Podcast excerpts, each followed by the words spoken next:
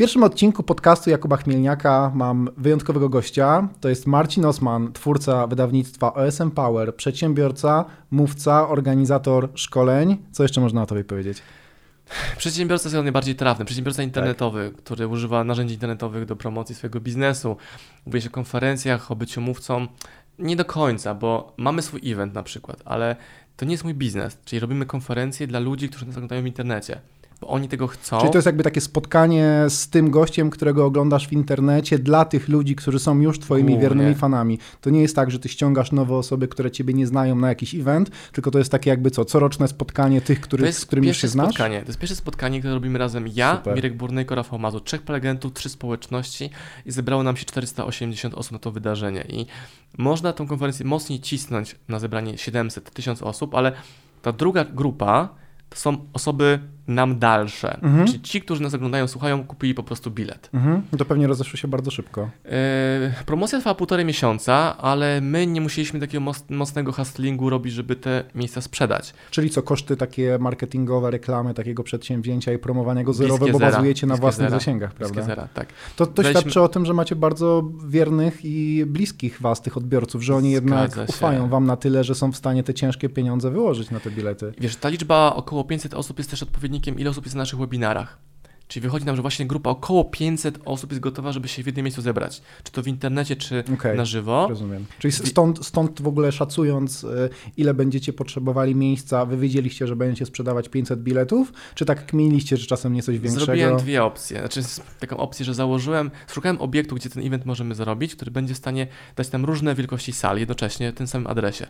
Czyli założyłem rezerwację na salę na 300 mhm. osób, i na salę tą 550 Sprytnie. osób. Sprytnie. I powiedziałem pani wprost, że ja nie wiem dokładnie ile sprzedamy, na pewno będzie sala mniejsza zapełniona, zobaczmy ile będzie tych biletów w górę szło. Więc już byliśmy na poziomie 250 biletów, to mhm. zwolniłem rezerwację w okay. sali pierwszej i mówię, dobra, idziemy w salę większą, która ma opcję do 550 osób. Super. Optymalnie 500 osób, więc mamy z tyłu jeszcze jeden pusty rząd, którym damy większy komfort uczestnikom, że nie będą na siebie tam, wiesz, zgnieceni. Ale co, planujesz, że za rok będą, będzie na przykład duża sala kinowa w Złotych Tarasach i już te 800 osób tam wciśniecie, czy, czy gdzieś tam step by step już to jest duży sukces i nie ma co tak wybiegać do przodu wiesz z tą ilością Upgrade o 300 miejsc nie postrzegam jako duży upgrade, szczerze mówiąc. Czyli Stadion Narodowy. Nie, ale pójście w konferencję, pójście w konferencję dwu, trzy tysięczną, no. jak najbardziej. Czyli co ja muszę zrobić jeszcze w Ale to już jest wtedy impreza masowa, prawda? My też się tym trochę inter... tak cię dopytuję, bo ja też teraz jesteśmy na etapie organizacji eventów, bo dla jednej z marek z Carpatry robimy mm. treningi. One są na razie małe, bo to są takie treningi po 60-70 osób, gdzie zapraszamy naszą ambasadorkę, trzy grupy treningowe dla dziewczyn po 25 osób i robimy taki trening, żeby budować właśnie super, takie community super. wokół brandu, ale ja wiem czym to się skończy wiem, że za rok będę chciał zrobić taki trening rosło, na kilka rosło, tysięcy rosło, osób, nie? Tak. Ale to jest impreza masowa. Już orientowałeś się, czy o, jakby o ile wzrastają koszty wykładniczo wtedy? Powyżej ale to w sumie nie ma znaczenia, osób? bo jak jest jasna, no. kom jasna komunikacja z klientami, że hej, robimy event w większym miejscu, robisz różne progi biletowe, my naszą konferencję całkowicie oddaliśmy ze sceny, z muzyki, okay. świateł, jakichś atrakcji multimedialnych. No to chyba nie jest jakaś sala gimnastyczna, na której się spotykacie. Nie, ale jest to prosta sala konferen... Tylko taki zedelek, taborecik. I... Tak, taka poduszka, dostawka jak w teatrze. No, dokładnie. E, to jest prosta sala konferencyjna. Będą e, duże ekrany mhm. do oświetlenia treści, ale to nie będą ekrany e, zrobione z LCD-ków na przykład. Nie będzie prowadzącego, który bierze 20 koła, jest znanym panem z telewizji za to, że jest moderatorem czy konferencjerem, bo to jest konferencja dla naszej społeczności, mhm. która jasno pokazała, chce taką konferencję. Oni też jasno pokazali, że nie są biletów VIP-owskich, nie kupując ich. Więc wyłączyliśmy kategorię bilet VIP po pierwszym okay. webinarze komunikującym. A czym się różnią VIP od innych? Mieliśmy hipotezę taką, że ludzie będą chcieli również kupić sobie miejsca VIP, czyli pierwsze rzędy, jedzenie, okay. wygodnie, okay. lepszy dostęp do tam logistyki wydarzenia. I co, i nie? Nie. Okay. Więc po pierwszym webinarze, który był launchem tej konferencji, wyłączyliśmy bilet VIP. Rozumiem. Robiąc cashback tym, którzy tego VIP-a kupili wcześniej. A, w ten sposób, to też tak. uczciwie. Tak. Ale to co ty masz z takiego eventu? Poza tym, że na nim zarabiacie, bo wiadomo, że, mhm. że po coś y, nie robi się tego wyłącznie for fun, ale ty też robisz to troszeczkę for fun, ale czy czujesz, że to ma jakieś takie znaczenie, że więcej osób kupi twoje książki, bo to jest twój core business, mhm. czy jakiegoś, jakiegoś rodzaju usługi? Jakby jaką to, jaką to pełni funkcję w całej mapie tych twoich przedsięwzięć? Taką, że widzę, że moi klienci, którzy kupują książki, czy klienci Mirka czy Rafała, wydają pieniądze w innych miejscach okay. na eventach. Na eventach. Okay. Czy widzę mojego klienta, który kupił książkę mnie za 5 dych, na evencie za 5 stów na przykład. Dokładnie. Czemu? Dokładnie. On ma potrzebę pójść na event. Więc zróbmy hipotezę, że przyjdą również do nas, na, do nas na nasz event. Mhm. To jest spoko, będzie 500 osób, więc to jest już fakt. Ale półtorej miesiąca wcześniej mieliśmy tylko hipotezę i zero Rozumiem. zapisanych Super. osób.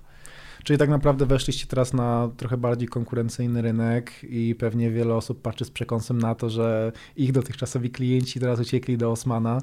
Bardzo proszę, zajebiście. Możliwe, że już nie wrócą. E, cel jest taki, żeby po pierwsze dać ludziom możliwość spotkania się z nami.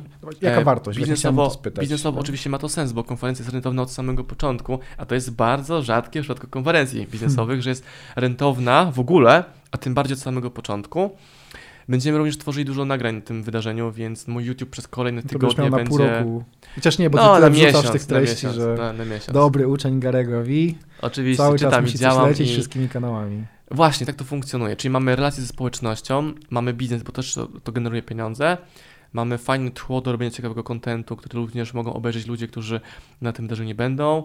Prawdopodobnie będziemy również sprzedawali VOD z tego nagrania, z tego e, występu. Okay, super. U mnie, u Mirka i Rafała. Czyli nie będziecie tego upubliczniać w całości jako treści Na dzień darmowych. dzisiejszy, jak nagrywamy, to nie, ale wszystko się może zmienić, bo my decydujemy o tym, jak ten content później będzie sobie żył. Sprawny marketing na przykład robi w ten sposób, że te treści są płatne, są za paywallem przez jakiś rok, a gdzieś tam po tym roku oni zaczynają je udostępniać, wrzucać na YouTube'a, bo już mają jakby bardzo dużo nowych tych treści, organizując no, spoko, konferencje spoko. marketingowe, influencer marketingowe masowo finansowo. Myślisz, że to w, tym, w tę stronę będzie szło, czy raczej jakaś dużo... taka encyklopedia później będzie mm, tych wszystkich? My dajemy dużo materiałów za, darmo, naszej no. społeczności, więc jeśli się nie damy teraz za darmo nikt nagrań z konferencji, nikt się nie obrazi. Wręcz przeciwnie, damy możliwość kupienia u nas tych nagrań. Jest to produkt tani, to będzie kosztowało, nie wiem, 400 wy, 299, 399 mniej więcej. Dla kogo? My mamy przedsiębiorców, tak, więc to, to nie jest taki wydatek nie straszny. Gdy robiliśmy cykl rozmów z Rafałem Mazurem pod tytułem Rozmowy o drapieżnictwie, powstało 10 odcinków i z tych odcinków zrobiliśmy książkę, mhm.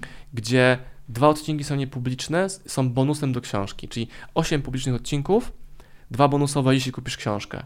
I też poszło sporo książki, którą stworzyliśmy na podstawie tych materiałów z podcastu naszego. Spoko. Ale powiedz mi, bo teraz powiedziałeś, że adresujecie się, konferencję adresujecie do przedsiębiorców, czyli ona musi mieć taki mocny wymiar praktyczny, pewnie dotyczący sprzedaży, dotyczący autoprezentacji, dotyczący skutecznych metod marketingowych. Mhm. Ale czy ty tak sobie to dzielisz, że powiedzmy te treści popularne, które wrzucasz e, do siebie na social media w tej masowej ilości, to jest taki entry level, i osoby wchodzące głębiej, głębiej, głębiej w końcu trafiają e, na te konferencje? Czy to jest raczej po prostu od sasa do lasa? Mm, publikując, staram się dopasować do platformy daną porcję kontentu. No. Czyli dla mnie w ogóle hitem jest TikTok. Zacząłem działać w tym roku. Masz, jesteś TikTokerem? Dużo masz... Yy... Prawie 3 miliony odsłon. 3 miliony odsłon. Zacząłem w styczniu. Fajnie. Fajnie. I wybieramy taki content, który pasuje do tej młodszej grupy ale bardzo często na żywo mam kontakt z ludźmi, którzy rozpoznają mnie w hotelu, na ulicy, czy w jakimś... Ale nie wrzucasz tych samych treści po prostu w dwa miejsca na raz? Na TikTok leci coś osobnego, czy to co na Instagram w miarę?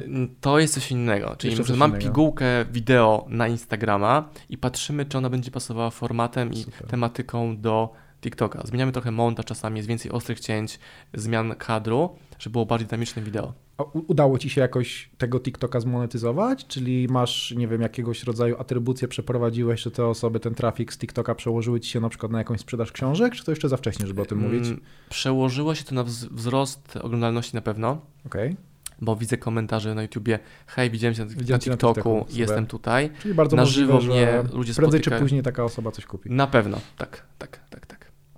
No bo tak yy, przechodząc powiedzmy płynnie z tego tematu konferencji do tematu wydawnictwa, to jest ten twój core business, wiadomo, że będziemy skakać od punktu do punktu, ale jak idzie? Bo to już trochę dobrze, lat minęło, temu, coraz więcej pozycji. Wbrew temu, co mówią ludzie, że książki nie są czytane w ogóle, Zresztą nie wiem tego. Są kupowane, nie wiesz, czy są czytane. Nie? Właśnie. Naszym hasłem jest czytaj i działaj, czyli promujemy aktywną postawę czytacza, który bierze, szuka porady, znajduje książkę, ją wdraża i to buduje jego sukces. Też mamy sporo success story ludzi, którzy czytają książkę i wdrażają siebie w biznesie, zmieniają swoją postawę, zmieniają narzędzia i to funkcjonuje.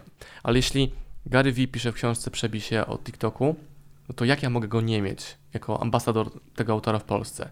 Więc wchodzę na TikTok, hej, to działa. Set tysięcy osób na odcinek za organicznie. Publikuję informacje o tym na moim Instagramie i mam rzeszę później mm -hmm. przez wiele tygodni ludzi, którzy mówią, Super. hej, założyłem TikToka Super. i też u mnie to działa. Mam przykład znajomego e, klienta Michała, który jest behawiorystą psim, wszedł na TikTok i ma znacznie większe zasięgi, tak kosmicznie większe, na TikToku, gdzie wrzuca tam porcyjki edukacyjne, co zrobić, żeby twój pies nie brudził w domu, co zrobić, żeby nie szczekał na inne psy za ogrodzeniem i tak dalej. No tak chyba taka nauka, wieść gminna niesie, trzeba wziąć psa za kudły i wsadzić mu ten nos w te siki. Nie działa? No nie, nie, nie, nie działa? Trzeba dać mu ignora. Ignora? Bo jak go Pokażę, że uwagę, go, hej, go nie kocha. Burek, spokój, to, to on, fajnie, dostałem uwagę. A to są pytania do Michała. Więc ludzie idą za tą rekomendacją, testują sobie swoich firmach, przedsiębiorstwach, jak to u nich działa, no i są z tego efekty. Okej, okay. no bo to tak, y, ty masz chyba, jesteś w takiej fajnej pozycji, że zważywszy na to, że masz pewną specjalizację w tym swoim wydawnictwie, ale robisz też inne rzeczy, to masz taką rzeszę diehard fanów, że mm. jak ty puszczasz nową pozycję, to od razu masz pewność, że nie wiem, 300 sztuk sprzedanych, 500 tak, tak, sztuk tak, tak, sprzedanych, bo to są goście, którzy zawsze od razu mają zaufanie do ciebie, że to, co ty im podsuwasz, to nie jest żaden shit, ani żaden bullshit, Dokładnie. tylko to jest jakościowo dobrze przetłumaczone, fajna książka, fajny temat, czegoś nowego się dowiedzą. I jest tak rzeczywiście? W przypadku konferencji to było widać idealnie, czyli 200 osób kupiło od razu. Hmm. Na webinarze launchującym konferencji, gdzie w trójkę mówiliśmy o tym, co będzie, hej, można kupić. Mieli bonus postaci tego, że będą siedzieć w pierwszym, pierwszym sektorze z przodu. To jest bonus dla kupna biletu od razu. Okay. Druga grupa to była ta, którą trzeba było trochę przekonywać, pokazując, informując, ale i tak był główny pik sprzedaży tej drugiej serii biletów przed podwyżką. Mhm. Czy najwięcej zamówień tak, padło tak. godzinę, każdy, dwie. Każdy ten marketingowy motyw tak. stosuje, każdy. I to działa. To działa, jakby jest taka, tak samo w e-commerce, no, znaczy to jest e-commerce, więc lista powiedzmy takich pusherów do zakupu podnoszących konwersję jest olbrzymia. No i trzeci etap to było już takie domykanie ludzi, którzy się tam wahali, już nas znali, ale musieli zobaczyć informacje o tym przez cały miesiąc. A telefon? Próbowaliście domykać telefonicznie? Mm, nie. To ja cię zaskoczę. My jedną trzecią biletów sprzedajemy właśnie w ten sposób. Między innymi dlatego, że jak się okazuje, to, że ty wrzucasz te treści i ty masz wrażenie, że one docierają, one nie docierają. Treści o, jest bardzo dużo i masz później tę listę, bierzemy listę tych najbardziej e, lojalnych naszych klientek powracających, dzwonimy i dopełniamy listę. One nie widziały, one są w szoku, że one tego nie widziały, bo one by bardzo chciały. I w zasadzie skuteczność jest 90%. Każda jedna mówi, tak, chcę przyjść. Pełna zgoda. A to nie jest za darmo. E, pełna zgoda. Ja dzwonię regularnie do 50 losowych klientów OSM Power, którzy jeden wydał 50 zł, jeden wydał 500 zł nasze książki i pytam, co słychać. Super, po prostu. super. Taka runda to zajmuje mi około 3 godzin, bo nie każdy odbiera, ale... Też bym strasznie chciał, tak cały czas mam to w głowie, że powinienem ten jeden dzień w miesiącu poświęcić te 10 godzin na to, żeby siedzieć nawet, na telefonie i dzwonić godziny, po ludziach. Nawet dwie godziny wystarczą. My mamy dużo klientów. Ja też, ale wystarczy grupa i widzisz przy trzecim, piątym, piętnastym telefonie, że są takie same rozmowy. Ludzie są w szoku, są wdzięczni, Mówią no nie, ci... tylko kwestia, że musiałbym, ja, ja, tam mam tych marek kilkanaście, więc A, musiałbym, o, o, to chodzi, o to mi chodzi, nie, że musiałbym to podzielić, no, nie, nie czwartej, piątej. No. Więc takie rzeczy robimy. Z konferencją to jest projekt dodatkowy. Czyli gdybyśmy wszyscy w trójkę na maksa rzucili się na promocję tej konferencji i ona byłaby na to tysiąc, by i tysiaka, półtorej tak, tysiąca. Tak, tak, byłoby. Tylko trzeba by robić takie twarde hasło.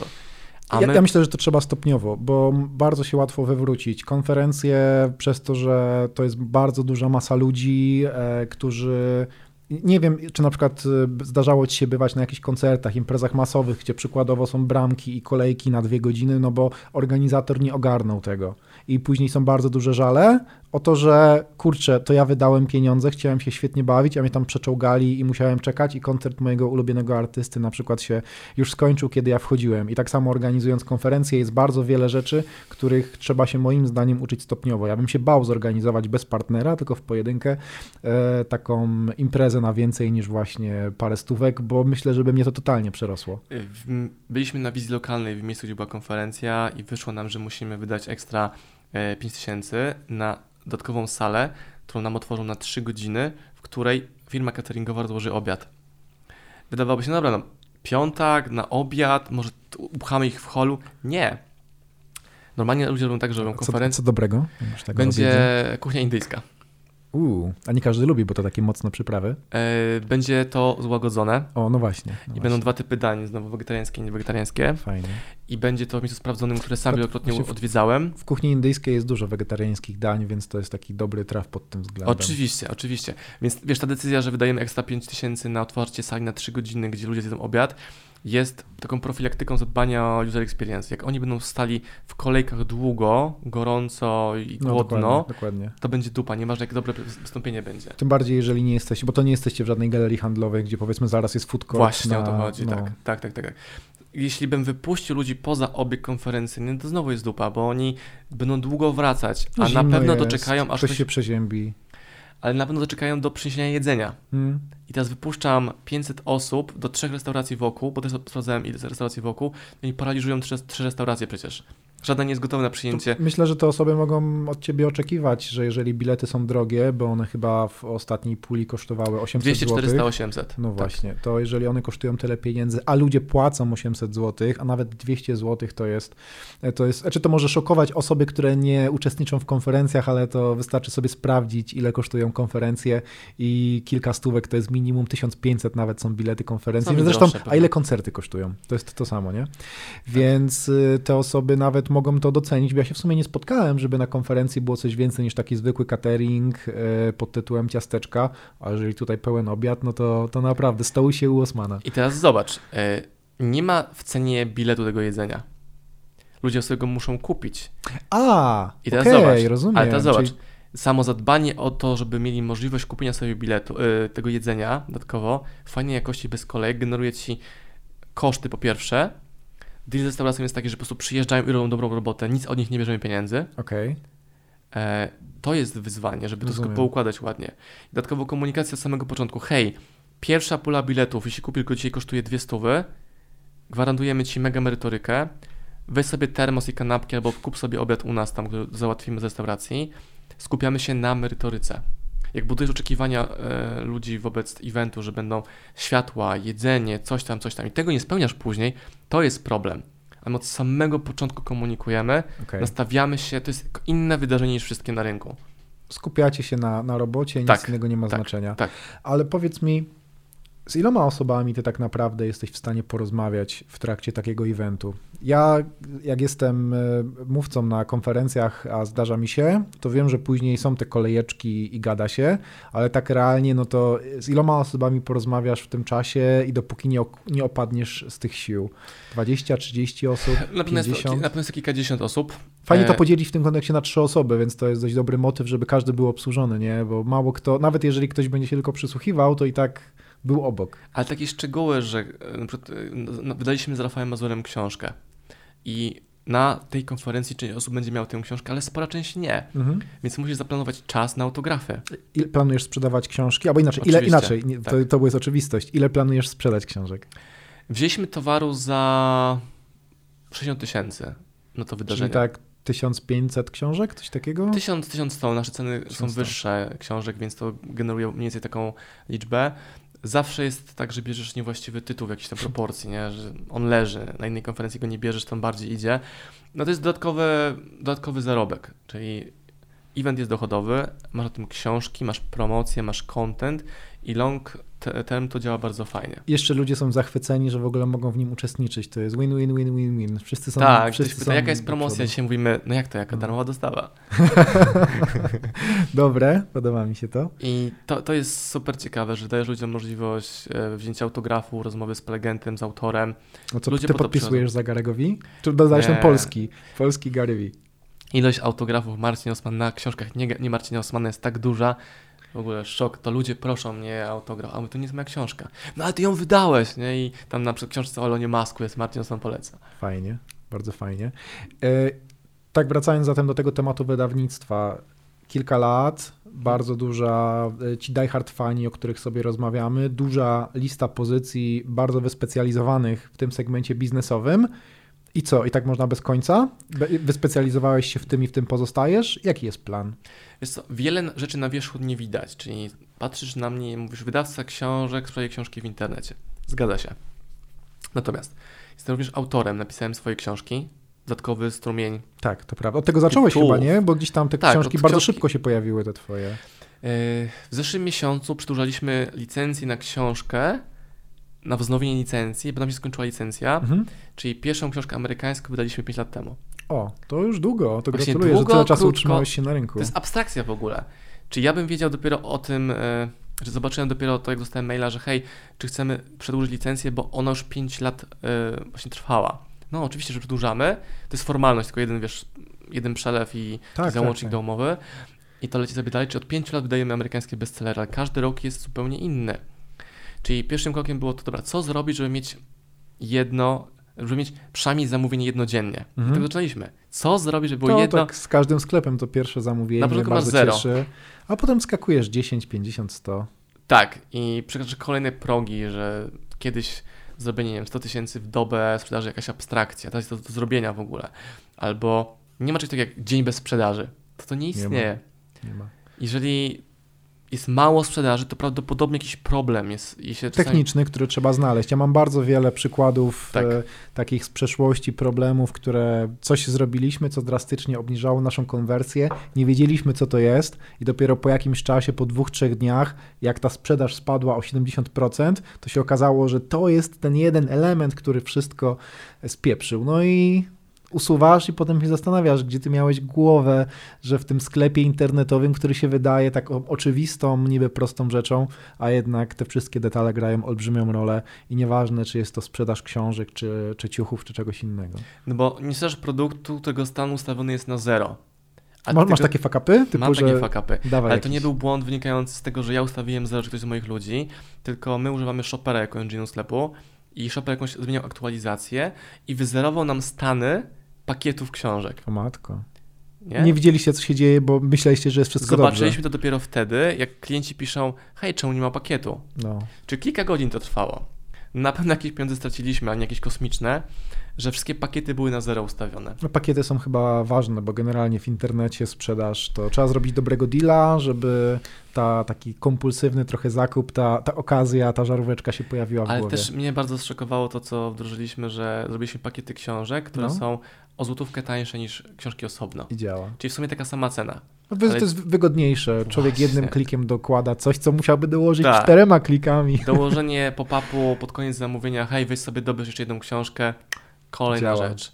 I dokładanie tych mikro, mikro rzeczy, sam dos- doskonale przecież wiesz. A wiesz, co jest śmieszne? Te wszystkie rzeczy to jest taka, taki niby kindergarten, niby takie przedszkole. Znajdziesz to absolutnie w każdym poradniku, ale jakbyś sobie później spojrzał na te sklepy internetowe, to bardzo często ludzie tych rzeczy nie stosują. To tak jakby się ktoś zastanawiał, czy na przykład Marcin, czy ty masz jeszcze o czym gadać po tych wszystkich latach? Ale to tak naprawdę można gadać cały czas o tym samym, bo nikt się nie dokopie do twoich filmów z przeszłości, albo ktoś zapomniał, albo ktoś usłyszał, a dopiero po dwóch latach się za to zabrał. Cały czas trzeba, trzeba pliczować. Teraz wprowadzamy w tym miesiącu bardzo dużo drobnych poprawek w sklepie, jakieś tam sticky menu, inny sposób prezentowania treści, inny sposób searcha. Użytkownik tego w ogóle nie widzi, ale on czuje, że jeszcze jest lepiej. Hmm. I to jest never ending story przecież. Cały czas ty musisz dłubać, poprawiać. Takie fakapy, że tam się wyzerowały stany. Dzięki temu, że mamy społeczność, która te błędy wyłapuje, Tak, to, to jest super. klienci zwracają E, Pierwsze uwagę. dwa bilety na konferencję poszły z kosztem dostawy, Mm.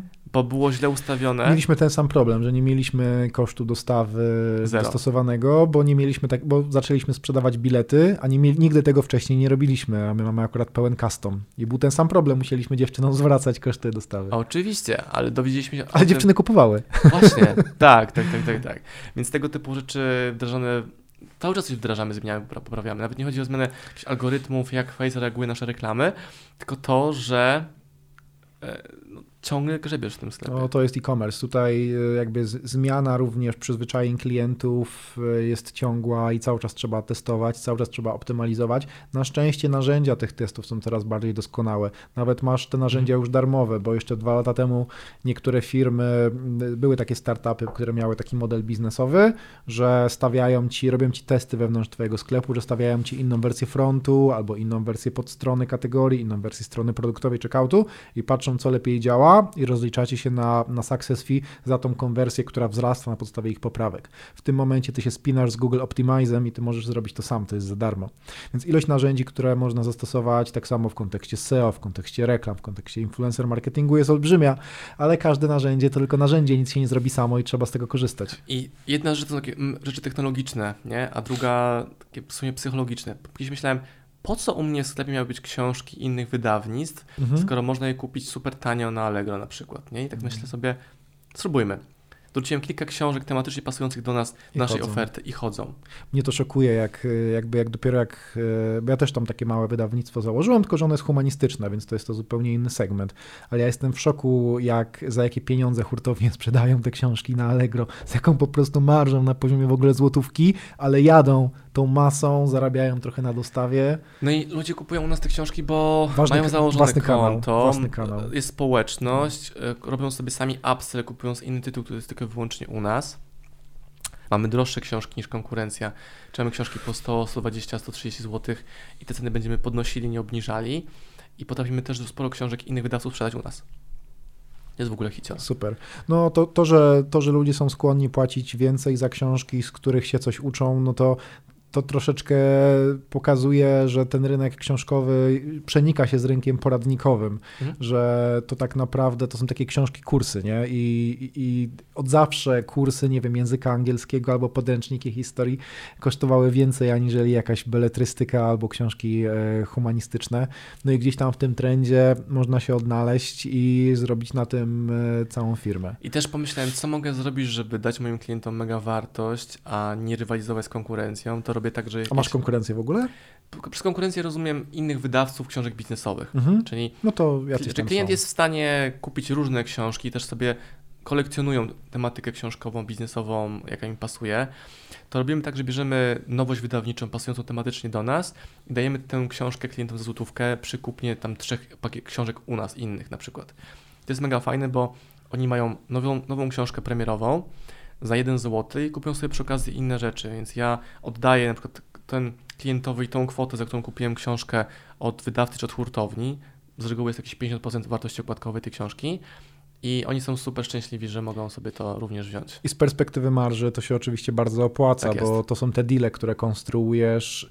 E, myślę, że nie jest wielką tajemnicą, że książki same w sobie drogie nie są, ale natomiast właśnie ten rynek wydawniczy jest tak poskładany, że nawet jeżeli książka kosztuje w produkcji 5 złotych, to jak dołożysz do tego w tym standardowym modelu dystrybucyjnym marżę hurtowni, marżę sprzedawcy, to w tym wypadku Empik jest najgorszy. dla amerykańskiego wydawcy. To licencja dla amerykańskiego wydawcy, koszt tłumaczenia.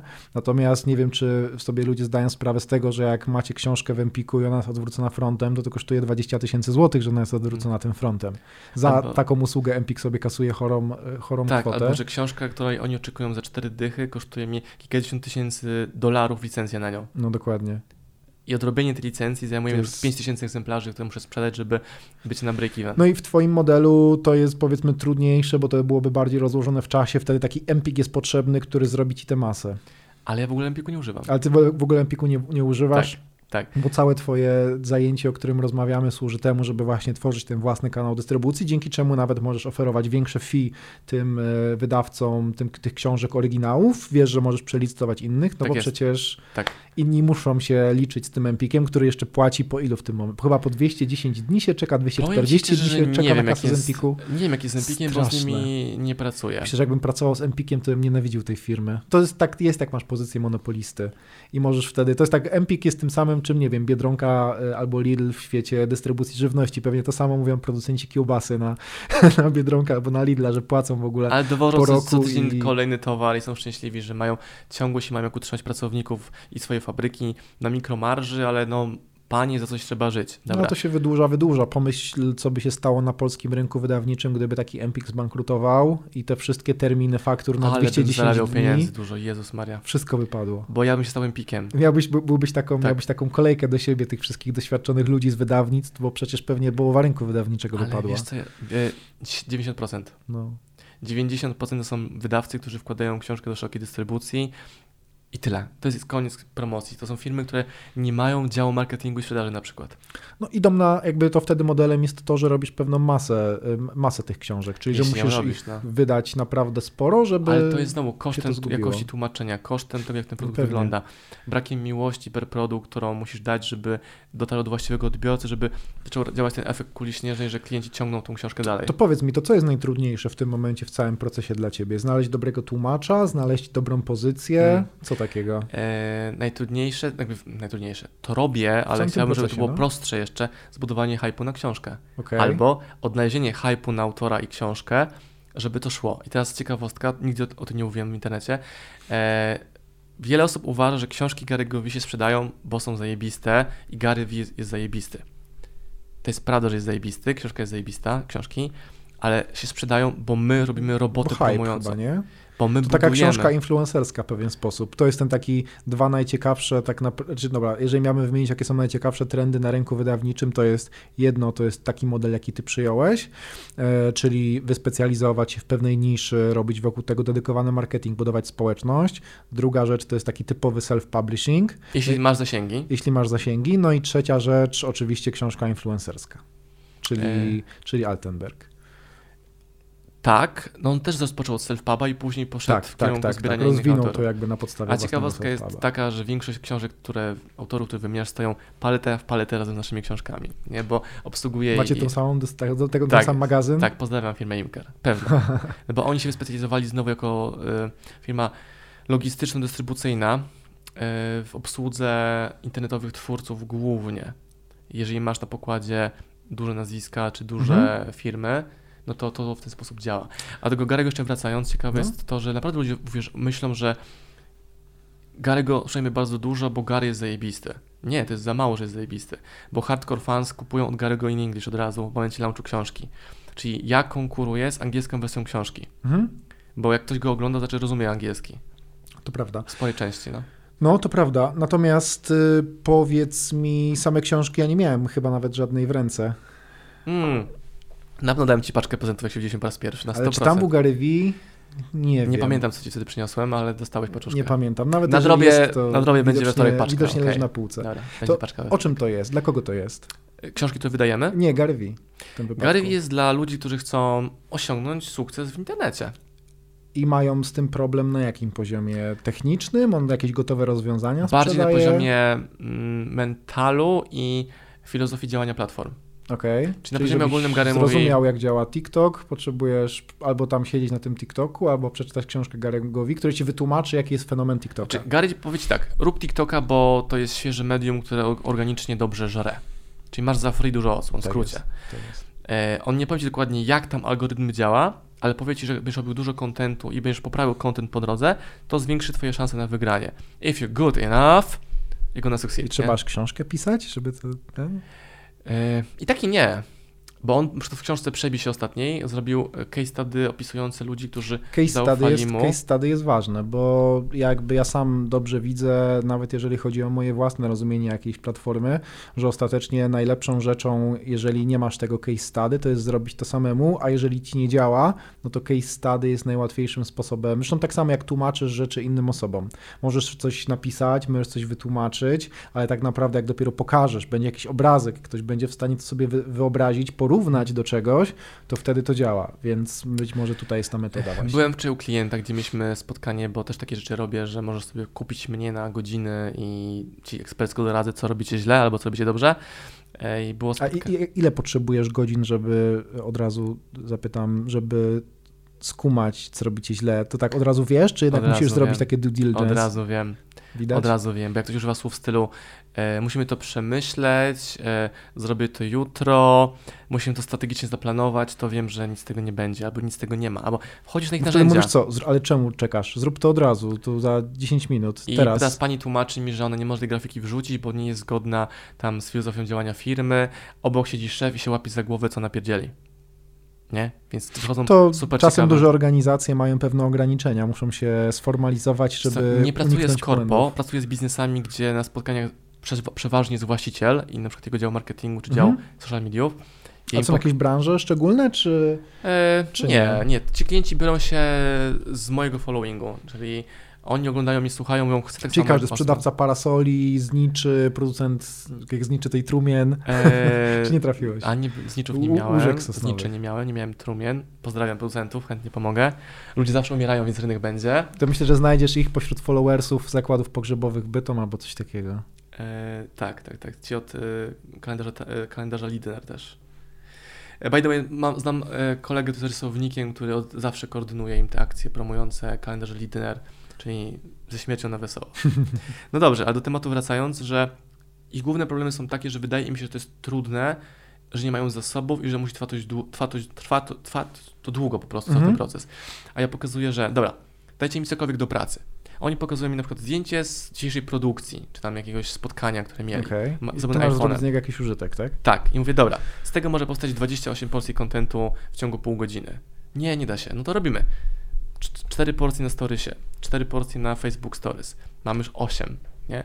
Post na Instagram okazuje się problemem, bo oni go tylko wrzucają z hashtagami, a nie piszą story wokół tego Mhm. posta. Jak napiszesz story wokół posta, to masz post na face. Mamy Rozumiem. ekstra dwie aktywności. No to na takim bardzo podstawowym, ale to, czy to nie są ludzie, którzy tego typu know-how powinni zgarniać bezpośrednio z tych darmowych treści właśnie, które wrzucasz do neta, to nie Ale wystarczy? to jest problem na poziomie mentalu, że oni, Okej. oni sobie sami Czy to komplikują. musisz wziąć tę rękę i jakby ręką, Tak. na, czyjąś ręką narysować ten obrazek, Więc daję telefon tej pani, tu jest zdjęcie, napisz teraz przy nas ten tekst. I on napisze korpotekst, to się w ogóle nie nadaje. Mówię, napisz luźniej.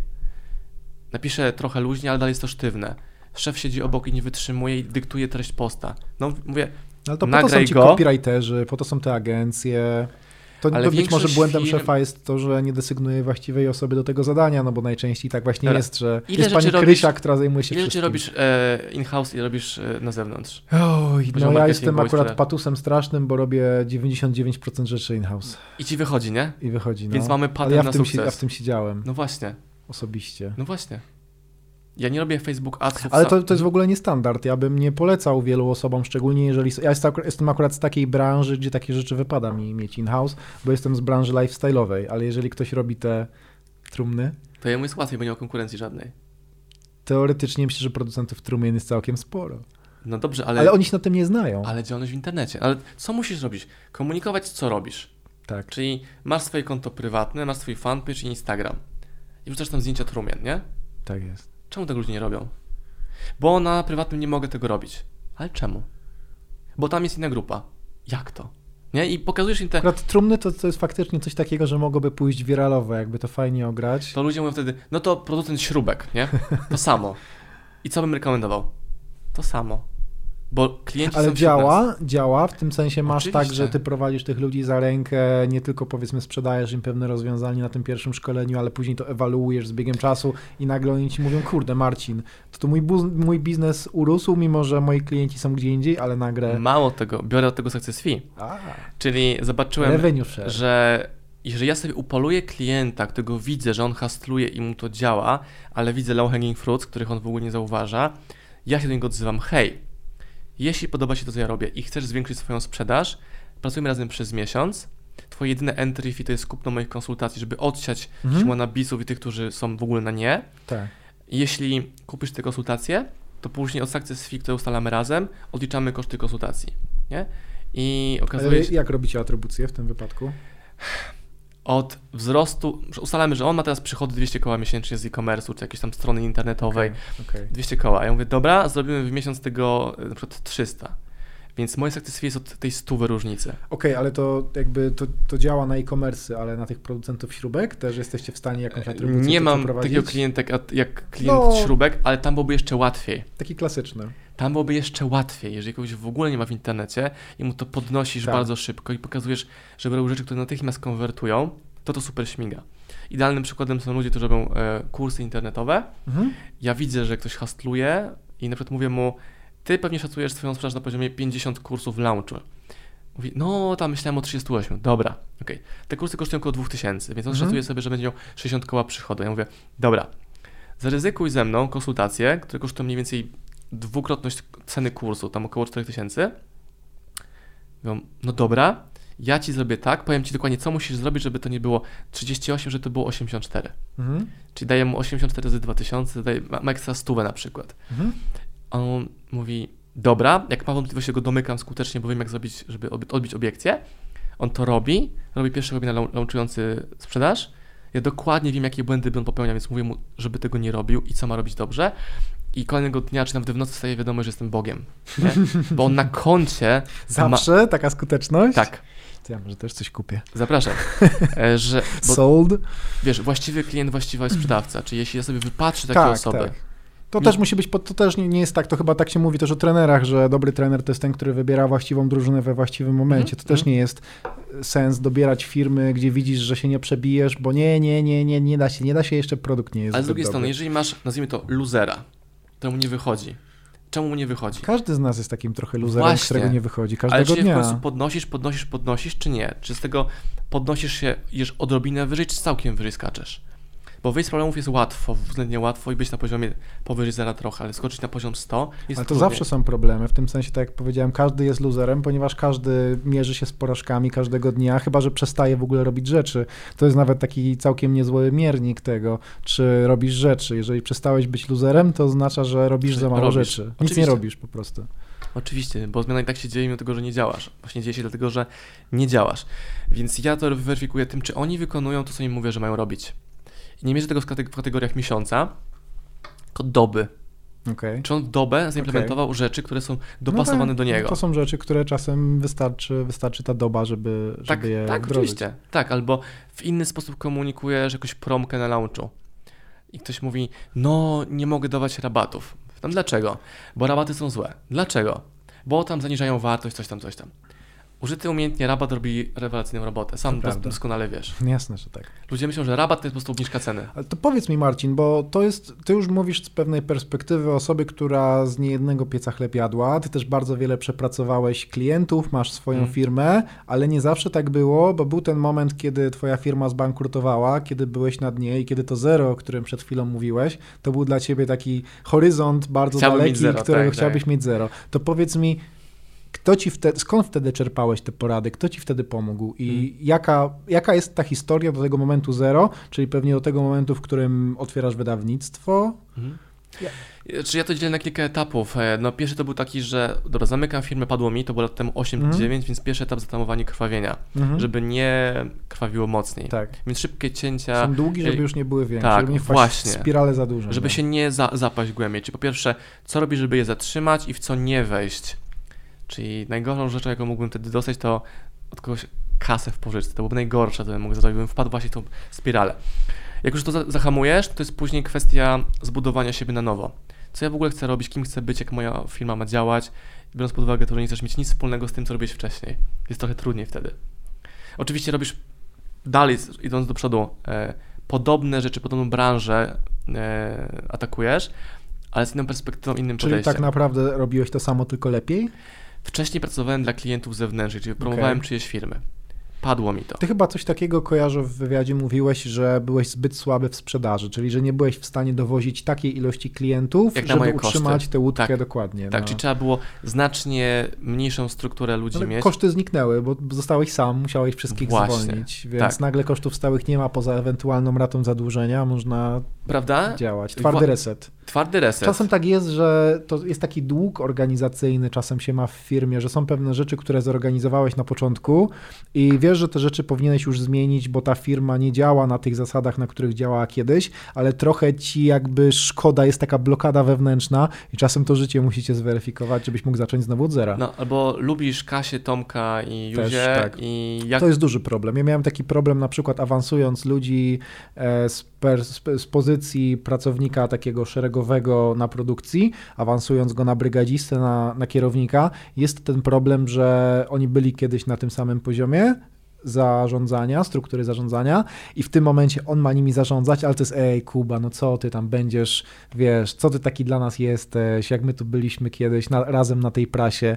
No i wiele osób ma problem, żeby, żeby przejść przez ten etap, no i faktycznie co wtedy trzeba zrobić? Niestety trzeba wymienić kilka osób e, z tego dolnego szczebla, jeżeli chcesz stawiać na tę osobę kierownika. Chyba, że źle postawiłeś, to wtedy Mi wychodzi, że tak co kierownika. 2-3 lata jest taki cykl wymiany.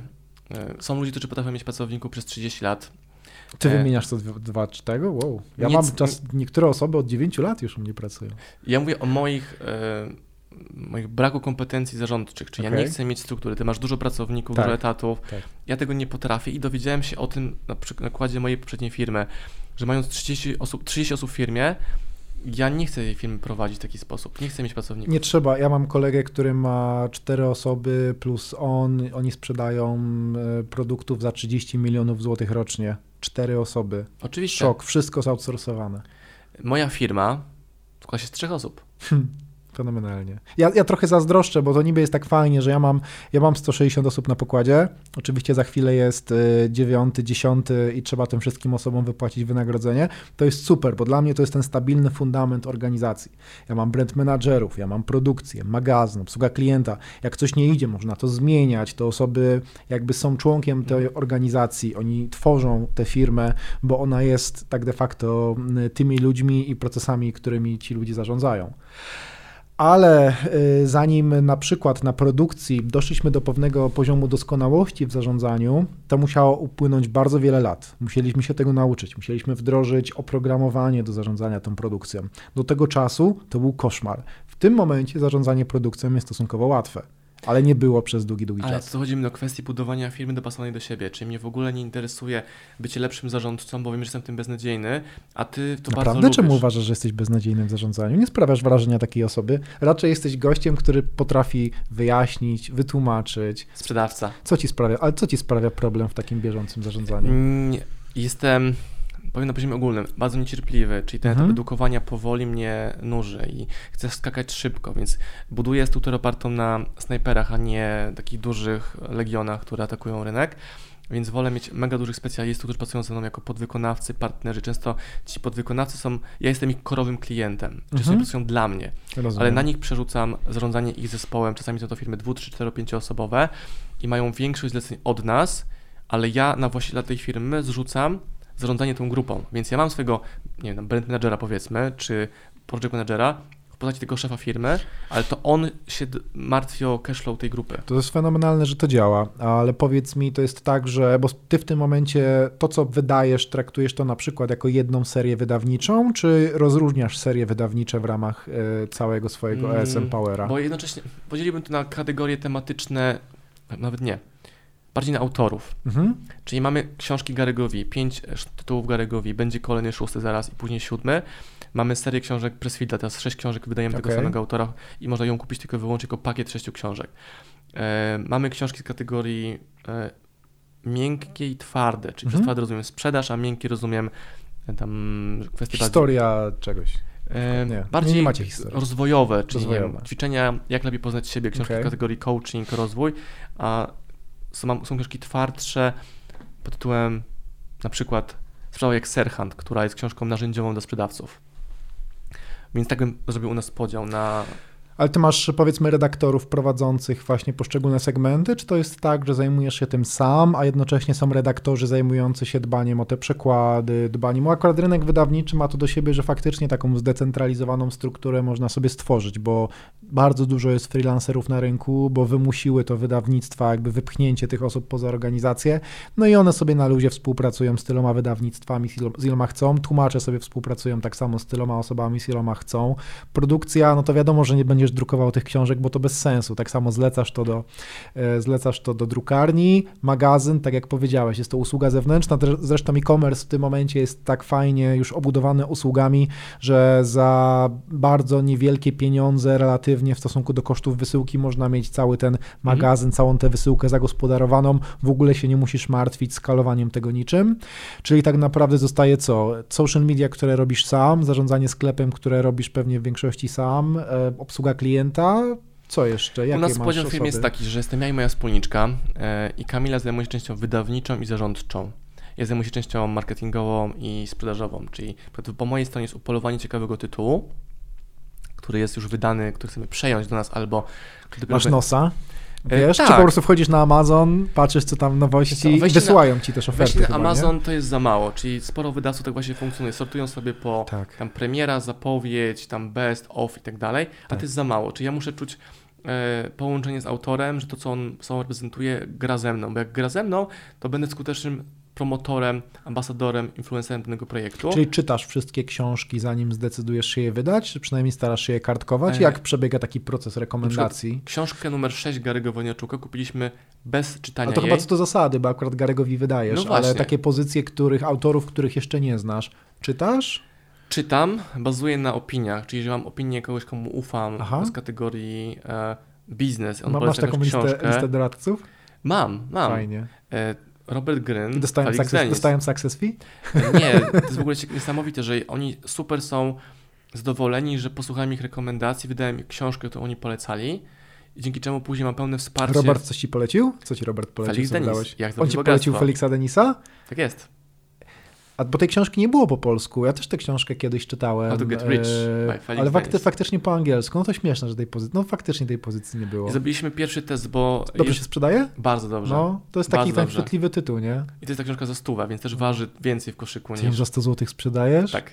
To, to dlatego masz taki ładny garnitur. Mało tego. Kupiłem go A przed czym Felixem. przyjechałeś? E, kolega mnie podrzucił. Mercedesem. Ale chodzi o to, że mm, słucham ludzi. Przykład Robert Tak, mówi, że warto. ta książka jest zajebista, zmieniła jego życie. Więc zobaczyłem, jak to w ogóle wygląda. Czy złona licencja. Okazało się, że są dwie książki. Większa Mhm. i mniejsza. Ta mniejsza, jak zarobić pieniądze, jest skondensowanymi lekcjami na temat samego zarabiania. Daliśmy ją najpierw, żeby potestować rynek. Poszło bardzo dobrze. Ta książka zarobiła na licencję książki głównej. To wydaliśmy w zeszłym roku, w połowie roku. No i idzie pięknie. No może kupię tę główną, bo faktycznie czytałem Weź- tę skondensowaną wersję. Dziękuję. To jest teraz nagrane, więc jakby co to... Będzie paczka w Pytajcie w komentarzach, czy Marcin wysłał mi książkę. Tak jest, tak jest. I u Marcina pytajcie. Będzie pan zadowolony oczywiście. E, słuchaj, a masz takie też, bo mówisz, że ludzie ci podpowiadają rzeczy. Ja na przykład, e, ja zacząłem swoją, ja wyszedłem na scenę publiczną jakieś pół roku temu. Przez 8 lat robiłem wszystkie rzeczy, powiedzmy, w ukryciu, czy najzwyczajniej w świecie, nie afiszując, nie afiszując się dokładnie. Po prostu je robiłem, nie haslowałem przy tym wszystkim. Skupiałem się na pracy, zresztą dalej skupiam się na pracy, bo to nie zajmuje aż tak wiele czasu, to, że my sobie tutaj siedzimy i gadamy.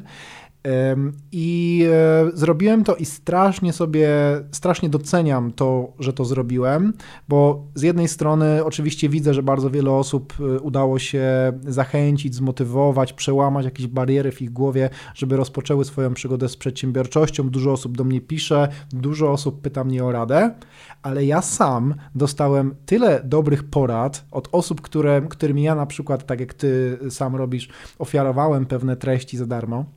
I te osoby, czując być może pewną wdzięczność, bądź to po tak. konferencji, bądź to jakby dostałem bardzo dużo, to są takie głupoty, które teoretycznie sam mógłbym stwierdzić, ale czasem to musisz usłyszeć od drugiej osoby, czyli na przykład jaką można dostać cenę za wysyłkę na przykład w DHL-u, albo ile można w PayU dostać najniższą, najniższy procent opłaty transakcyjnej, albo że można, że nie ubezpieczam sobie y, różnic kursów walut, a na spreadach, jeżeli powiedzmy masz parę euro do złotówki, to coś tam. I takie rzeczy mógłbym wyliczać, rzeczy, które spłynęły do mnie kompletnie nieproszone, tylko że ludzie, teraz już moi koledzy, jak sobie rozmawialiśmy, coś mi podsuwali, bo chcieli mi coś fajnego podsunąć. I wartość dla biznesu tych wszystkich porad w skali roku jest olbrzymia. I na przykład, czy ty masz podobne doświadczenia, że te osoby ci właśnie pomagają? Śmieję się z tego właśnie PayU, bo mi kolega powiedział, że negocjował warunki z PayU. Ja sobie pomyślałem, hmm, nigdy nie negocjowałem z PayU. Napisałem do nich maila, tam 2-3 maile, dostaliśmy tam 0,3% niżej. I pani powiedziała w mailu, że jak zwiększymy obroty o X, to będzie to już tam 0,6%. I zrobiliśmy ten wynik, o którym ona mówiła kilka miesięcy później.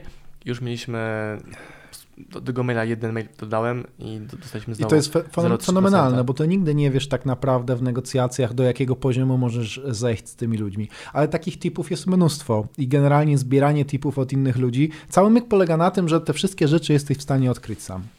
Jesteś w stanie wpadać na te błędy, popełniać je, ale Tak. jeżeli trafiasz na kogoś i wiesz, że ta osoba jest kompetentna i wiesz, że ona nie pierdzieli głupot, na przykład taka była moja motywacja, kiedy ja wychodziłem do ludzi, bo jednak uważam się za osobę, która ma real biznes i e, po prostu sprzedaje, produkuje pewne rzeczy, to jest całkiem konkretna firma.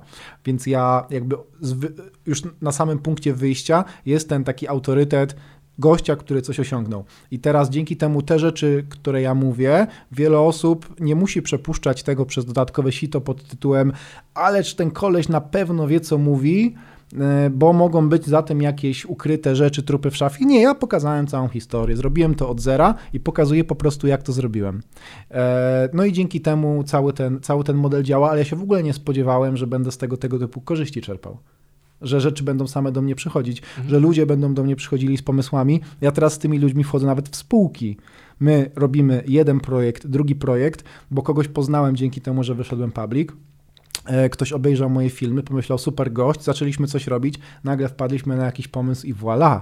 I wszystko tylko i wyłącznie dlatego, że w te soboty Tutaj Michał e, doskonale wie, że to zawsze się dzieje w soboty albo późnymi wieczorami, kiedy już taki ledwo żywy, ale gdzieś tam z tej wątroby jeszcze te, te filmy kręcę. Czasem je komasuję, po prostu komasowałem je w jeden dzień, że zdarzyło nam się 7 czy 8 filmów nakręcić w jeden dzień, takich tych 15-minutowych, ale właśnie dlatego, że ja nie miałem kiedy tego zrobić, to musiała być ta sobota, żebym miał spokój na, na mhm. dłuższy czas. Mhm.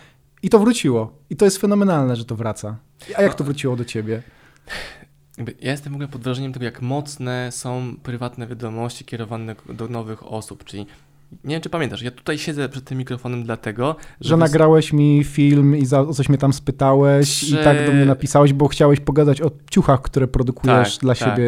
Pamiętam. A dowiedziałem się o tobie z reklam twoich produktów i tak patrzę, ej, firma po angielsku ads, ale wysyłka z Polski, googlam tam głębiej, patrzę, o kurczę, Kuba, no to od razu boom.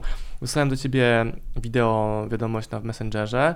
Przyznam, że chyba nikt inny poza tobą nie wysłał mi wideo wiadomości na Messengerze. Najpierw pomyślałem, co to jest za wariat w ogóle, co to się dzieje. A potem się okazało, że, że jakby to nie jest żaden wariat, tylko Marcin i że to, co mówi, ma ręce i nogi, coś fajnego podsuwa i chce Ale pogadać. nigdy w życiu nie dostałem spamu w postaci wideo nagranego w Messengerze, nie?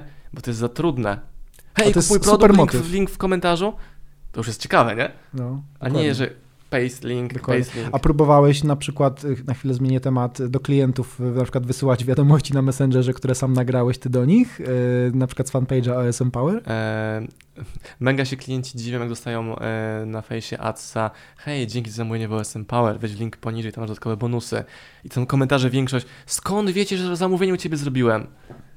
No, ludzie się do tej pory, znaczy jakby to jest trochę creepy, ale jeżeli teraz mamy włączone mikrofony w telefonach i wiadomo, nie wiem, powiemy Castrol, albo Mercedes, albo Biedronka, to zaraz tam y, Messenger nas podsłuchuje i zaraz dostaniemy na fejsie reklamy właśnie tych produktów, o których mówimy i to się dzieje cały czas. Tak, tak, oczywiście i pytanie, czego używamy jako twórcy, promotorzy, sprzedawcy, czy jesteśmy odbiorcami. Czy ja chciałbym mieć dokładnie dopasowaną do mnie reklamę, żebym nie musiał szukać po kupna. I właśnie to jest idealne. To, to, to, co my widzimy w tym, my możemy psioczyć na tego Facebooka i to jest oczywiście troszeczkę straszne. Natomiast ja jestem dość sporym reklamodawcą i wiem, że największy sens ma reklama właśnie wtedy, kiedy trafi do właściwej osoby. I wiem też, że Facebook i Instagram to są swego rodzaju narzędzia z przyszłości. E, o tym na przykład będę też jutro nagrywał odcinek z moim kolegą, który prowadzi agencję e, social mediową reklamową. Będziemy trochę gadać o reklamach na Facebooku, natomiast to są narzędzia z, z przyszłości, bo w tym momencie żadna inna platforma, e, nawet nie Google, ale na pewno nie Snapchat, na pewno nie Twitter, na pewno nie, na pewno nie TikToki i tak dalej, na pewno nie Reddit, bo tam też można robić reklamę, na pewno nie wszystkie sieci stron typu Grupa Wirtualna Polska, nigdzie nie ma tak dużej możliwości z jednej strony dopasowywania treści do odbiorcy, a z drugiej strony takiego wlewania tych treści między inne bardzo podobne, bo na tym polega cały sekret, że to, co ty puszczasz, gdzieś tam jest ciągiem treści do siebie podobnych. I jeżeli dopasujesz je do właściwej osoby, no to wiadomo, że masz wtedy najlepszy efekt. Więc ja się strasznie cieszę, bo wiem, że te wszystkie inne narzędzia z biegiem czasu też będą w tej przyszłości, też będą tak doskonałe i dzięki temu nasze kompetencje reklamowe, które zdobywamy teraz, będziemy mogli z nich skorzystać naprawdę na wysokim poziomie. Ja się z tym zgadzam, jako konsument chcę kupić sobie nie, maszynkę do golenia, nie? ale ich, jest ich 150. Nie chcę kopać w która jest najlepsza, tylko chcę mieć dokładnie dopasowaną do mnie. Nie chcę widzieć nie wiem, golarek, z kablem w ogóle, bo interesują mnie tylko bezprzewodowe, ale muszę się w tym kopać, bo nie potrafią dobrze stargetować reklamy, albo nie chcę podawać pani karty w Rossmanie do zakupów, że później mieć reklamy niedopasowane w ogóle do mnie. To prawda, w tym kontekście o reklamach można powiedzieć, bo ludzie generalnie nie lubią reklam. ja to jest prawda, nie lubią niewłaściwych. Pewnie bym nie lubił reklam, gdybym był nimi jakoś nadmiernie bombardowany, gdybym nie był profesjonalistą reklamowym. Natomiast y, wyobraźmy sobie, jakby spójrzmy na rynek, jaką w tym momencie wygląda rynek konsumencki. On się składa z olbrzymiej ilości produktów i reklama jest niczym więcej jak formą podpowiedzi, który z tych produktów jest właściwy, bo ty i tak mhm. kupujesz te rzeczy. To jest to, o czym ty powiedziałeś. Dla mnie niesamowite jest to, że jak wydajemy 5 tysięcy na remarketing, to zamieniamy je na 50 tysięcy przychodu, nie? Bo co, bo ludzie potrzebują zobaczyć to kilka razy więcej. Dacyt, nie? Nawet nie ma mowy o dopasowaniu produktu, bo pokazuje mu to, co on klikał sam, tylko musi mu przypomnieć. To jest przecież basic adsów, nie? Ale to mnie dalej szokuje, jak to, to. Są, czy to są takie rzeczy, bo pytałem cię o to, czy jakby co do ciebie wraca w formie porad od ludzi, yy, kiedy się upubliczniłeś, czy, czy, są, czy faktycznie tak jest, że ludzie chcą, podpowiadają ci pewne rzeczy, które jesteś w stanie natychmiastowo zmonetyzować, bo mimo, że tak długo siedzisz w branży, to z jakich względów ich nie zauważyłeś? Jest tak, że zdarza ci się, że to do ciebie faktycznie wraca w takiej bardzo bezpośredniej formie, nie tylko tych porad, jakie książki wydać, ale też w innych formach? Często jest tak, że mam jakąś poradę yy, i ktoś mówi, piszę ją z intencją oh my god, oh my god, a ja na przykład to przetestowałem już wielokrotnie, nie? Też tak bywa. Wiem, że to nie tak działa na przykład, albo kupuję sobie paczkę jakąś, która do mnie przyjeżdża i mam jakiś ciekawy sposób marketingowy, jaki ze mną pracują po dostawie już. I myślę, czemu tego u nas w ogóle nie ma wcześniej wdrożonego, nie? Jest ok? Mamy to? Mamy to, dobrze. E, więc nie miałem tak długo pop-upa polecającego dołóż do koszyka coś więcej. A jak I ktoś ci podsunął taki pomysł, że klient, klient kupiłem sobie jakąś paczkę okay. i zobaczyłem, chyba jakieś odżywki kupowałem, suple. I tam, hej, dorzuć sobie tam bidon za złotówkę. No dałem za złotówkę bidon, bo bidony zawsze się niszczą, gubisz Każdy zakrętki. by wziął ten bidon za złotówkę, jeszcze jak miał jakiś fajny napis. Prawda? Nie? Nie? Nie? I nagle okazuje się, że kupujesz coś więcej i chodzisz z ich brandem na siłownię i ktoś pyta, co to w ogóle jest na tej metce. No, u nas super działa też wchodzenie w głęboką relację z klientami i dbanie o nich. Jak widzę gdzieś na fejsie, że gość tego kojarzy jako klienta, mówi, że urodziło mu się dziecko, odszukuje go w bazie, wysyłamy mu maskotkę z okazji urodzin dziecka, na przykład. Zawsze? Czy tak widzę, czasem jak ci się, jak, ci, jak, jak widzisz? Jak widzę. Jakby nie szukam tam, dobra, który dzisiaj miał tam narodziny dziecka na przykład. Okay. Ale jeżeli widzę taką okazję, no to to e, robię. Jeżeli no. Okej, okay, no bo to są jakby fajnie, fajnie, że jakby to każdemu w tym kontekście można polecić, że to wyjście z tej norki, ja sam uważałem, zresztą dalej trochę uważam, że nie należy za bardzo hastlować, nie należy za bardzo e, epatować tym, co się robi, że sam mam się za człowieka w miarę takiego umiarkowanego w wielu rzeczach, które robię, natomiast, że też można w tym sensie nie jest umiarkowaniem przesada w chowaniu się. Tak. Jako odpowiedzialny, jako przedsiębiorca na przykład moim zdaniem ma, ma, masz pewną odpowiedzialność społeczną, bo na przykład jak ja zatrudniam 160 osób, to ma to duży wpływ na, na tą społeczność, w której żyję. Czyli, że jak na przykład y, kupię budynek i go wyremontuję w centrum miasta, to ma to pozytywny wpływ na tkankę miejską y, i to, że robimy to w mieście, a nie gdzieś na obrzeżach, też wzmacnia jakby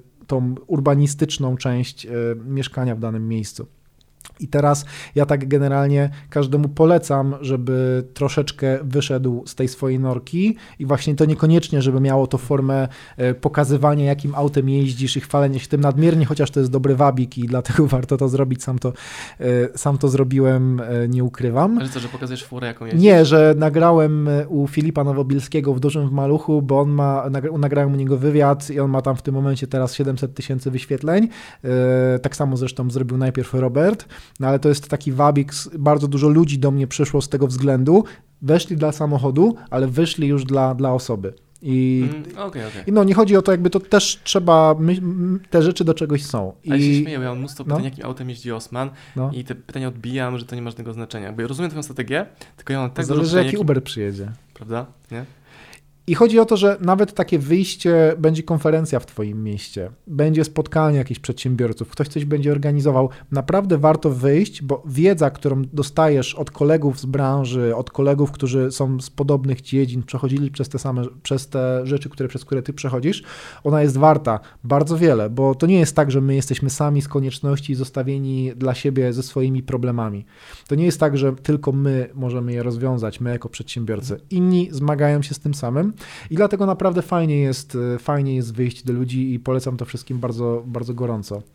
A w temacie jeszcze uciekliśmy od jednego pytania Twojego wydawnictwa. To jaki jest ten plan na przyszłość? Co jest w tym roku? Co będzie za rok? Co, byś chciał, same, co byś chciał, żeby było? Robienie tego samego, tylko że lepiej i szybciej. Czyli na poziomie parametru było tak, dobra, zwiększyć kwotę X sprzedaży, która jest stałą, jak nie robimy nic. Znaczy niemalże nic, prawda? To jest super, ona rośnie sobie. Specjalizować się w robieniu launchy, które są krótsze, ale bardziej znaczące, żebym nie musiał przez trzy miechy prowadzić jednej książki, ale przez przykład miesiąc, żeby mniej energii inwestować w przekonywanie kup, a więcej w robienie ciekawych tematów. Negocjujemy teraz warunki y, książki nowej, którą będziemy chyba wydawali, bo to jest kwestia licytacji niejawnej. A to chyba codzienność, nie? Ile, ile wy wydajecie książek w tym momencie rocznie? No w tym roku jest wydane już 6, 7. Super, a mamy dopiero początek marca. Prawda? Czyli tak. co, będzie tak ze 30-40 w skali roku? W tym roku chyba nie. Nie, nie. nie aż tyle. Bo idziemy jeszcze mocniej w tytuły, które są potencjalne. To jest też ryzyko, bo masz hipotezę, że to będzie mega turbo ciekawe, fajne, że to ułatwi launch, a nie zawsze tak się dzieje. Jeśli mam na przykład książkę, która była bardzo droga w kupnie, która jest tam w top 10 naszych książek, a nie na top 1, nie? Czyli tą książkę, tę książkę wyprzedza na przykład moja książka, której koszty są nieporównywalnie niższe w produkcji niż kupno licencji za kilkadziesiąt tysięcy dolców, samej licencji plus ekstra koszty, ale bierzemy teraz udział w jednej aukcji na bardzo drogą mhm. książkę, drugi tytuł, który jeszcze jest niewydany w ogóle na świecie. Premiera będzie po końcem roku, po końcem roku w Stanach, więc w Polsce też by się udało to zrobić końcem roku. No i patrzysz, czy trafiasz w dzieło, które, które jest ciąg z rynku. Ale to ile książek musisz po pierwsze dwa pytania, czy wszystkie książki są rentowne? A znaczy jeżeli... są rentowne, tak. No chciałem zapytać, ile książek musi być rentownych, żeby zarobiło na resztę. Ale to czemu nie wydasz rentowne. 100, 200? Wtedy nie, jest, nie chcesz skalować nie firmy w ten sposób? nie chcę tworzyć e, działu wydawniczego u mnie, większego niż moi zdalni współpracownicy. Okay. Czyli jeżeli kupisz, można kupić dowolną liczbę licencji, nawet całkiem tanio na bestsellery amerykańskie, sortując sobie Amazon po tam best, of czy zapowiedziach, no ale to jest ogromnie roboczochłonna praca. Znaczy, można robić po łebkach tłumaczenia, ale później masz takie kwiatki, jak na przykład znajdujemy w książkach w stylu flashmob, nie? To jest tłumaczone, czekaj, żebym tego nie spalił, mm, błyskawiczny tłum. Ja, to jest mój hicior w ogóle. Flashmob. No ciężko przetłumaczyć takie rzeczy. Ale to wychodzi na to, że co, Marcin, twoją ambicją nie jest stworzenie takiego olbrzymiego wydawnictwa, tylko robienie to, czego robisz, tak jak powiedziałeś, trochę lepiej, na trochę większą skalę, mhm. ale nie masz takich ambicji, żebyście wydawali tysiąc książek rocznie, tylko... Nie tylko jakość ja i w tej konkretnej Kątem rozwoju mam swoich dwóch mistrzów. Jeden to jest Felix Denis, który pokazuje, nie musisz być najlepszy w branży, żeby być najbogatszym w branży, a drugi mój mistrz Rafał Agnieszczak, który mówi spokojnie, powoli, małą łyżeczką, krok po kroku. Pozdrawiamy Ragniego. Pozdrawiamy Ragniego. Przegadaliśmy wiele godzin razem. On jest... Znasz Rafała? Właśnie Ragni zrobił bardzo fajną inicjatywę, bo zaprosił, stworzył tę grupę, pewnie ją widziałeś, tak, tak, tak. Startup Fight Club. Fight Club, tak? Gdzie zaprosił e, osoby, które... Śmietankę. Śmietankę, no ale po prostu osoby, które są faktycznymi, realnymi przedsiębiorcami. Tam każdy się trochę poprzestawiał i tak de facto wszyscy mają do siebie dostęp. Mhm, jest... Co prawda w internecie to jest trochę większy dystans, aniżeli pogadać pogadać ze sobą na konferencji, ale nagle się okazało, że jest mnóstwo ciekawych ludzi, którzy obserwują gdzieś tam siebie wzajem, którzy nawet o sobie wzajem nie słyszeli, mimo że obserwują te same osoby i mają e, ciekawe tematy, więc na pewno stamtąd wyszły jakieś fajne deale, czy, czy w ogóle fajne przyjaźnie. No, super jest to, no, dziękuję Ci za zaproszenie do tego podcastu, nie? czyli mamy fajny odcinek merytorycznej rozmowy o życiu i biznesie ale ty ja wiemy, że robota nad tym odcinkiem rozpocznie się po jego publikacji, czyli content marketing tego tutaj wygadaliśmy przed kamerami i przed mikrofonami. E, no i to jest początek procesu. Wiele osób postrzega to jako, że to była ta aktywność, a my wiemy, to dopiero początek. Żeby ten przekaz dotarł do właściwych uszu, to jest dalej praca. Tak jest, Marcin. Mam nadzieję, że ten przekaz faktycznie dotrze do, e, do właściwych uszu. Ja sam postaram się, żeby, żeby dotarł do jak największej liczby słuchaczy. Natomiast tak na sam koniec e, mam dla Ciebie takie trzy, e, trzy pytania. Daj. Czyli pierwsza rzecz, jaka jest, jaka jest rzecz o Marcinie Osmanie, której nikt nie wie? Hmm. To, że pracowałem na plaży, sprzedawałem kukurydzę jako dzieciakiem, to chyba już mówiłem gdzieś, ale wiele osób się dziwi. To, że podawałem talerze bogatym e, przedsiębiorcom i aktorom Też mówiłeś. Też mówiłem. Daj mi jakiś szerszy... Pomóż mi to pytanie, wiesz, jakoś sobie trafić. Cokolwiek, zaskocz nas. To ty jesteś marketerem. Kurde. Ale dużo gadam, więc ja nie wiem, czego jeszcze nie mówiłem. To jest kłopot, nie? A czasem też e, im więcej osób masz, to gdzieś tam dookoła siebie, to tym Moja babcia chciała, żebym był, był księdzem, a o. tata, żebym był dentystą. O, super. O, tego nic nie mówiłem, nigdy. Pierwszy samochód, marka, model i rocznik. Pierwszy Volkswagen Polo e, był starszy niż 10 lat na pewno. Tak, na pewno był starszy niż 10 lat. Ostatnia... Kosztował 5000 złotych. O, to, to, to nieźle. A ostatnia, ostatnia książka, którą przeczytałeś, to? Eee, to, co nas nie zabije, autorstwa Kareja o metodzie Wima Hofa. Bo ostatni tydzień spędziłem w... To jakaś metoda resuscytacji? ostatni tydzień w ogóle zrobiłem coś chyba najbardziej abstrakcyjnego i hardkorowego w moim życiu. E, wlazłem w zeszłym tygodniu na Śnieżkę w gaciach, czyli w shortach i t-shircie. A wcześniej... I, ży, I żyjesz. I żyję i było tam mega na minusie i smagało śniegiem, mrozem, wszystkim, a kilka dni wcześniej też... Ale serio wiał wiatr i sypał śnieg? Naprawdę, tak. To ty jesteś niezły twardziel. Ale to jest taki opalony. To jest jednocześnie i abstrakcyjnie trudne, i abstrakcyjnie proste, że nie czuję tego w ogóle jako... Ale co, rękawiczki, ciepłe skarpetki, czapeczka były, a poza tym tylko galoty? Tak, była czapka, były rękawiczki, były buty, były byłem dokładnie w tym samym stroju sportowym, w którym chodzę na treningi, czyli krótkie spodnie i koszulka techniczna żebym się... A czekaj, do tego cię zainspirowała ta książka, tak? Czyli nie polecasz generalnie. E, polecam, e, żeby doświadczyć to, że idąc 3 godziny w marszu w górę, górami, gdzie naprawdę było na maksa zimno dla normalnych ludzi, idziesz bez ubrania niemalże i nie czujesz w ogóle zimna. To jest w ogóle dla mnie... Zgłębiam ten temat teraz cały czas, albo że wszedłem do wodospadów i strumieni górskich i na morsowanie w wodzie o temperaturze 0 Ja jestem z gór, to my się tak myjemy codziennie. Co weekend się tak myjemy, bo w, weekend, tak, w tygodniu no. się nie myjemy. Tak, tak. tak. I, Marci i to jest no. super ciekawe dla mnie, że czytałem tę książkę i hasło czytaj, działaj poszło na jeszcze wyższy poziom. To nie jest znowu biznes, to jest proste, nie? Ale chodzisz do wody, która ma jeden stopień, albo idziesz w górę, a mijają cię ludzie zapakowani w stroje. Albo masz przewodnika z tyłu i z przodu, który zabezpiecza tą grupę, a on jest zapakowany, jak, wiesz, ubrany jak na biegun polarny. Idziesz obok niego i mam zdjęcie, gdzie ja idę w shortach, on obok mnie idzie. Ale nikt nie dzwonił po helikopter albo po, wiesz, po, po karetkę, że jakiś wariat idzie w spodenkach? Nie, no niektórzy Fajnie. mówili, ale wow, super, niektórzy... Jakiś prank, może pranksterem zostajesz wiesz co, nie da się sprankować w tak niskiej temperaturze. Znam kilku, kilku pranksterów, mogę was tam tego, będziecie razem robić pranki. Tak, już widzę jak Wardęga wchodzi bez gaci na Śnieżkę. No.